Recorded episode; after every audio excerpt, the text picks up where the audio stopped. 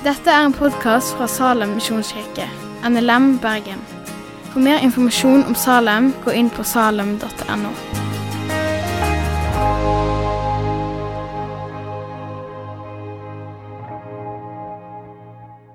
Nå skal vi lese dagens tekst, som er 1. Korinterbrev, kapittel 4. Så skal dere se på oss som Kristi tjenere og forvaltere av Guds mysterier. Av forvaltere krevdes det at de viste, viser troskap, men for meg betyr det ingenting om jeg blir dømt av dere eller av noen menneskelig domstol. Jeg er heller ikke min egen dommer, for jeg vet ikke om noe galt jeg har gjort. Men jeg er ikke dermed frikjent, for Herren er den som dømmer meg. Døm derfor ikke før tiden, før Herren kommer. Han skal få fram i lyset det som er skjult i mørket, og avsløre hjertets sak, hjertets tanker. Da eh, skal Gud gi enhver den ros han har fortjent.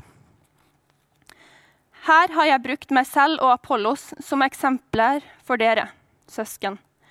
Og av oss skal dere lære å ikke gå ut over det som står skrevet, så ingen skal blåse seg opp og holde med den ene framfor den andre. Hvem har satt deg høyere enn andre? Hva annet har du enn det du har fått? Og har du fått noe, hvorfor skryter du som om det ikke var en gave? Men dere er allerede så mette. Dere er alt blitt så rike. Dere er blitt konger, men uten oss? Ja, var dere bare blitt konger, så kunne også vi hersket sammen med dere. Men for meg ser det ut som om Gud har satt oss apostler aller nederst. Vi er som dødsdømte, stilt fram som et skuespill for verden, både for engler og for mennesker. Vi er dårer for Kristi skyld. Dere er kloke i Kristus. Vi er svake, dere er sterke. Dere får ære, vi får skam. Helt fram til nå har vi både sultet og tørstet. Vi mangler klær, blir mishandlet, er hjemløse og må streve for å livberge oss med våre egne hender. Når vi blir utskjelt, velsigner vi. Når vi blir forfulgt, holder vi ut. Når noen håner oss, svarer vi med vennlighet. Vi er blitt som utskudd i verden, som avfall for alle til denne dag. Jeg skriver ikke dette for å gjøre dere skamfulle, men for å vise dere til rette som mine elskede barn. For om dere har tusen lærere i Kristus, har dere ikke mange fedre. Det var jeg som ble deres far i Kristus Jesus, da jeg ga dere evangeliet. Så legger jeg dere på hjertet. Ha meg som forbilde. Derfor sender jeg Timoteus til dere, mitt kjære og trofaste barn i Herren. Han skal minne dere om mine veier i Kristus Jesus, slik jeg lærer overalt i alle menigheter. Noen har blåst seg opp fordi de tror at jeg ikke kommer tilbake til dere. Men jeg kommer snart, hvis Herren vil. Da får jeg virkelig kjenne, ikke ordene, men kraften disse oppblåste folkene har. For Guds rike består ikke i ord, men i kraft. Hva vil dere? Skal jeg komme til dere med pisken eller med kjærlighet og mildhet? Tusen takk Rebecca, for at du ville lese for oss. Og Vi ønsker å legge vind på opplesningen av Guds ord når vi er samla. I Dagens tekst er på en måte en oppsummering av de fire, eh, eller det første hoveddelen i Korinterbrevet. Og eh, Paulus skriver og prøver å hjelpe korinterne til å leve ut det han har skrevet til nå i brevet. Og Paulus skriver egentlig om kristent lederskap. Og Samtidig så skriver han at dette gjelder alle kristne. For han er eksempelet for alle i menigheten, og for oss òg. Og Når jeg leser teksten i dag, så fornemmer jeg at han er ikke ute etter å korrigere noen lære akkurat nå, men etter å hjelpe korinterne til å leve ut evangeliet i livet. Så hvordan ser det ut? Jo, som kristne så skal vi få være forvaltere. Vi skal forvalte skaperverket, vi skal forvalte ressurser som vi har, og talentene som vi har. Men først og fremst så skal vi forvalte Guds mysterier. Det er i konteksten det er Paulus sitt begrep for evangeliet.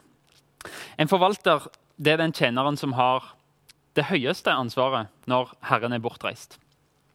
Alle eiendeler skal forvaltes på en god måte. Og Evangeliet det er av en sånn natur at det forvaltes på en god måte når det deles med alle. Det er, det er et ærefullt oppdrag, men forvalteren er fremdeles bare en tjener, ikke noe mer. Han skal avlegge regnskap for Herren. Han skal avlegge regnskap for alt han har gjort når Herren kommer tilbake. Og Hva krav er det som settes til dette regnskapet? I en nådeløs verden så er det fort gjort å tenke at kravet er resultat, resultat, resultat. Hvor mange er det du har i barnelaget ditt? Hvor mange kollegaer er det du har vitna til? Får du en nær relasjon med foreldre i barnehagen, sånn at du får invitert dem hjem og dele evangeliet med dem? Hvor mange er det i menigheten du har ansvar for? Hvor fort vokser smågruppa di? Er du veltalende? Eller Vi kunne nevnt mange krav som får skuldrene til å krype opp til ørene på oss. Men vi har en nådig Herre. Av Kristi forvaltere så kreves det at de viser troskap.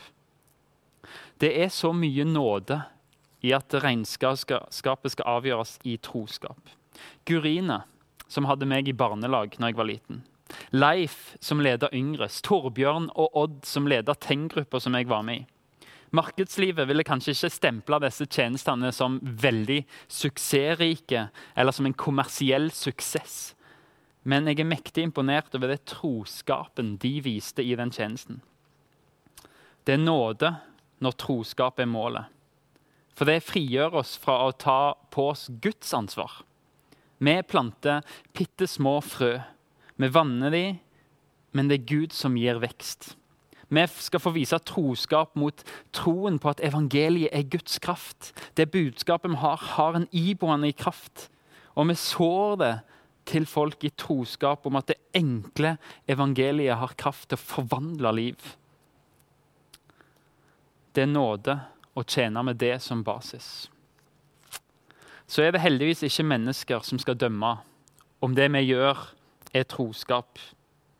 Ikke engang oss sjøl skal dømme det, men han som eier det vi forvalter. Han som har gitt oss evangeliet, Gud. Det er rettferdig, for han ser som det, det du gjør når ingen andre ser. Og han ser motivet i hjertet. Vi ser på overflate, vi ser på tall og vi ser på statistikk. Men Gud ser på frukt og hjerte. Derfor er troskap den sanne bunnlinja, fordi han ser og kjenner deg i det innerste.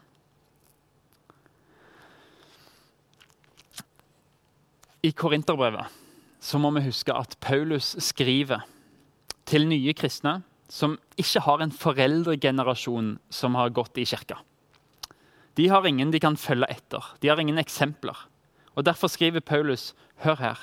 Jeg og Apollos, en annen kristen leder som har arbeidet i Korint, vi er deres eksempler. Se på oss, lær av oss. En av de beste måtene du kan vokse som kristen på, det er å etterligne en som er mer moden enn deg i kristenlivet. En som har vært kristen lenger enn deg. Derfor legger vi vekt på medvandring i Salem. Du kan, du kan eh, få hjelp til å finne en medvandrer hvis du ønsker det, på salem.no.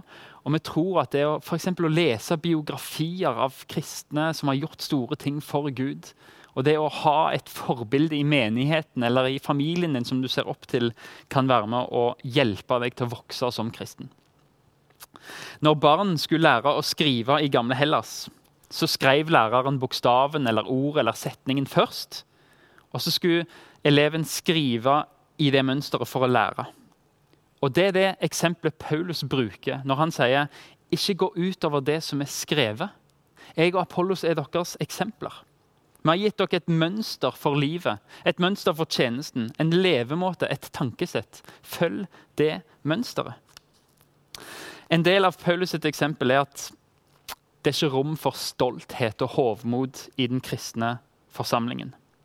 Det som kjennetegna kulturen, den sekulære kulturen i Korint, det var å søke sosial status, koste hva det koste ville, gjerne på bekostning av andre.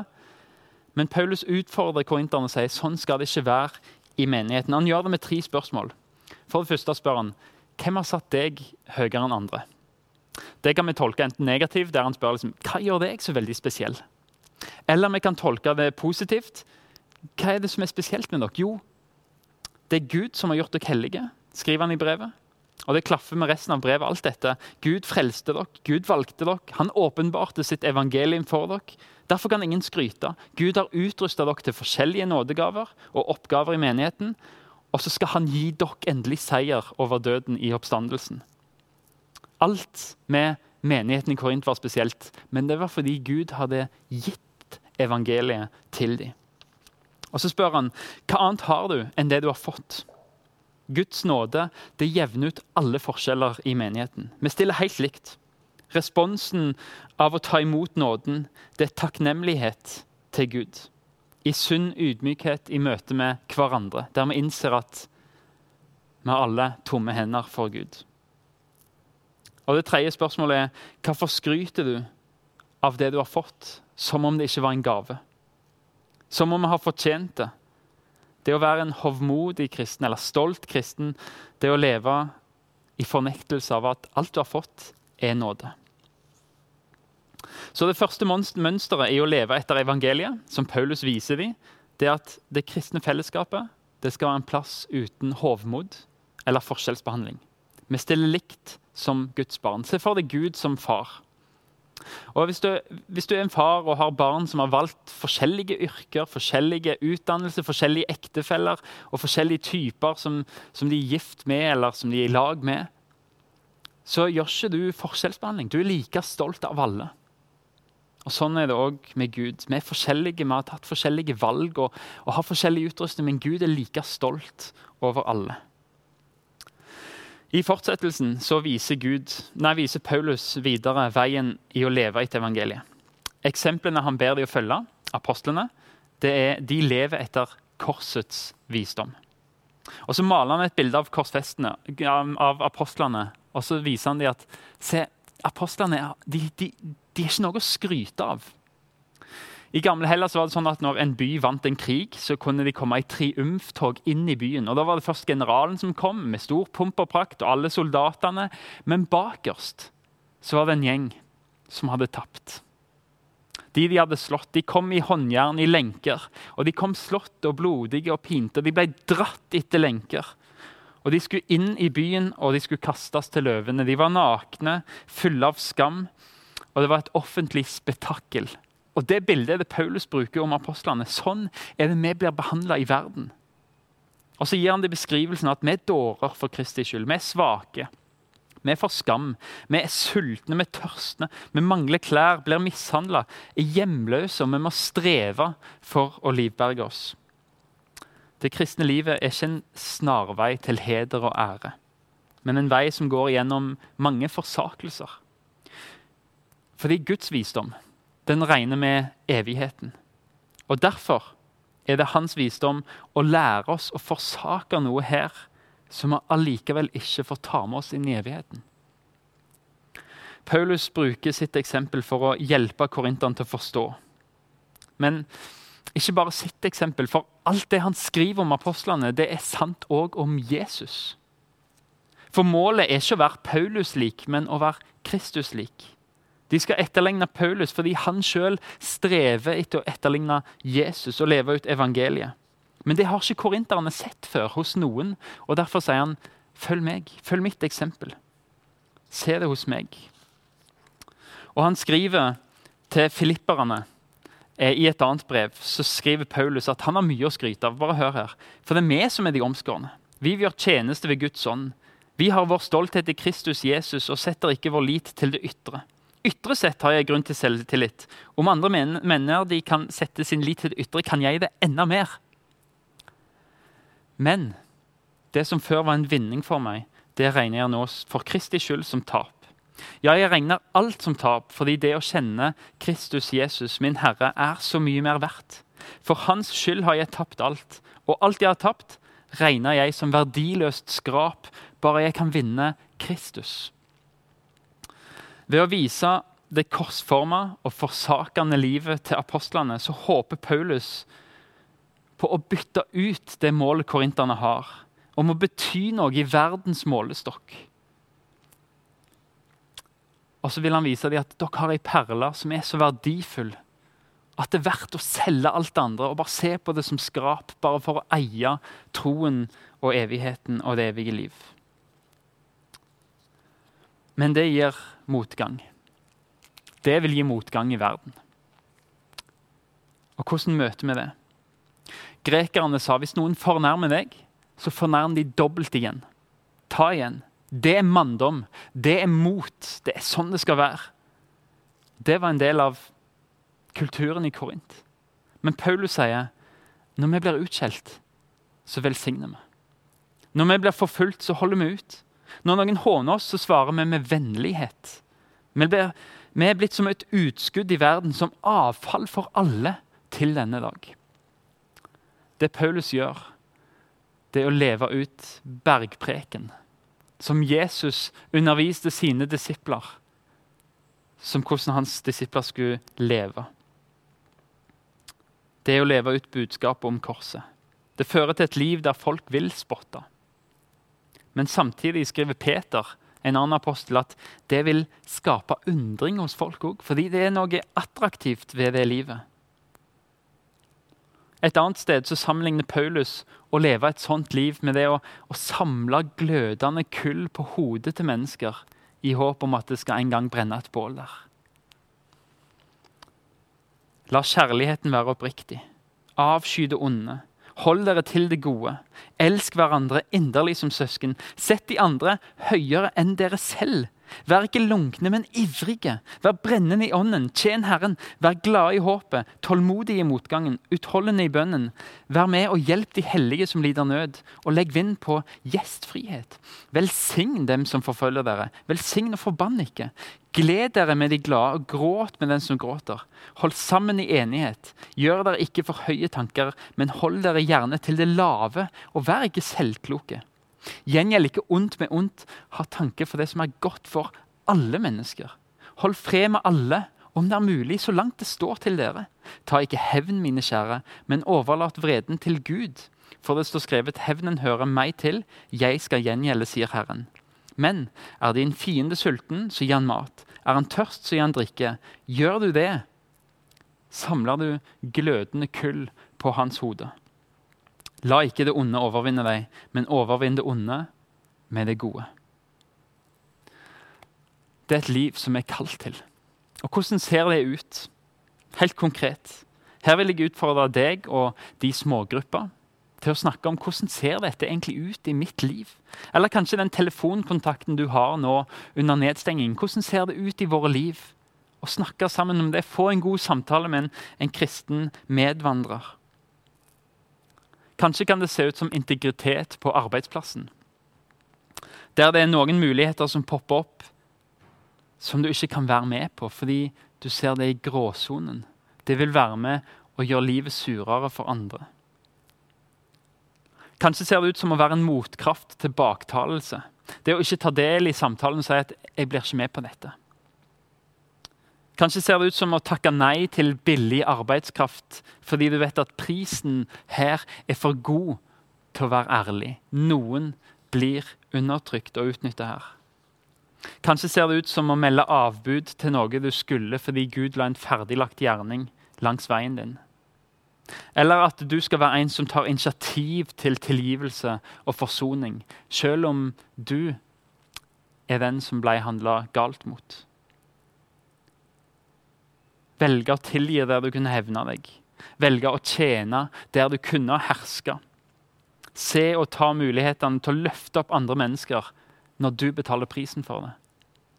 Og kanskje være den første i nabolaget som inviterer den nye familien og vise eksempelet med gjestfrihet som en fantastisk måte å vise evangeliet på. Et korsforma liv vitner om at du har et mye større mål enn å vinne denne verden. Det vil vekke undring som gir muligheter for deg til å begrunne livet ditt nettopp i evangeliet, og du forvalter det med hele ditt liv. Men det bor noe intuitivt i oss som ikke ser at dette er veien til seier. Vi ønsker å bruke tida på oss sjøl og på vår nærmeste. Vi ønsker å forkynne et evangelium som heller er logisk og filosofisk attraktivt, og ikke en snublestein, som Paulus presenterer det som i Korinterbrevet. Vi ønsker konsensus med tidsånden. Vi ønsker å være rause og inkluderende. Det bor en naturlig motstand i oss mot å leve ut det livet som er kalt til, og som vi sjøl har fått eksemplifisert av Jesus. Gjør den motstanden at vi egentlig ikke er verdige til å være disipler som følger Jesus? Fordi det bor en motstand i oss til å nettopp ikke gjøre det. Paulus er realistisk, og han vet at ja, ikke jeg heller makter det. Og Derfor kaller han denne veien for en vei i Kristus. Det er en vei full av nåde, en vei full av tilgivelse. Og Han makter ikke å leve sånn som dette sjøl. Derfor skriver han til filipperne jeg mener, jeg mener ikke at jeg alt har nådd dette, eller at jeg er fullkommen. Men jeg jager fram mot målet for å gripe det. Fordi jeg sjøl er grepet av Kristus Jesus. Mine søsken, jeg tror ikke om meg sjøl at jeg har grepet det, men én ting gjør jeg. Jeg glemmer det som ligger bak. Og jeg strekker meg etter det som er foran, og jager fram mot målet, mot den seiersprisen som Gud fra det høye har kalt oss til i Kristus Jesus. La oss tenke slik, alle vi som har nådd fram til modenhet. Og om dere ser annerledes på noe, skal Gud gi dere, gi dere klarhet i også det. La oss bare, så langt vi har kommet, fortsette i samme spor. Når jeg faller, sier Paulus, i forsøket på å leve ut dette livet, så gjør jeg én ting. Jeg glemmer det som ligger bak.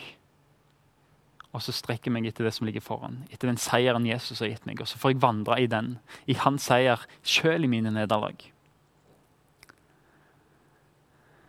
Lovsangstimen skal komme opp mens jeg avslutter.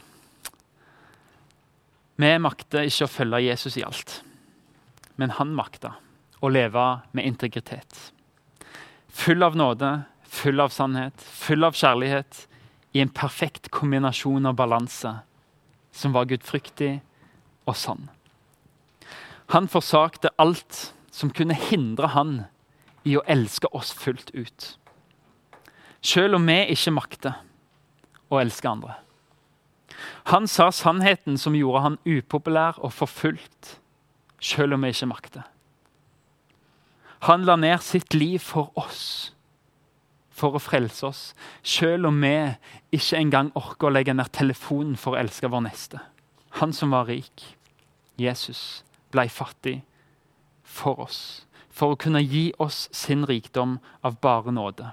Og så det er vårt grunnfjell som vi skal få vandre i Kristus etterfølgelse på. I etterfølgelsen av Jesus så ta med deg dette verset, og la det få være en sannhet som du går i og går i og blir fornya i hver dag. Hvis vi er troløse, så er han trofast, for han kan ikke fornekte seg sjøl. Takk for at du har hørt på podkasten fra Salem, Bergen. I Salem vil vi vinne, bevare, utruste og sende til Guds ære. Vi ønsker å se mennesker finne fellesskap, møte Jesus og bli disippelgjort her i Bergen og i resten av verden. Vil du vite mer om oss, gå inn på salem.no.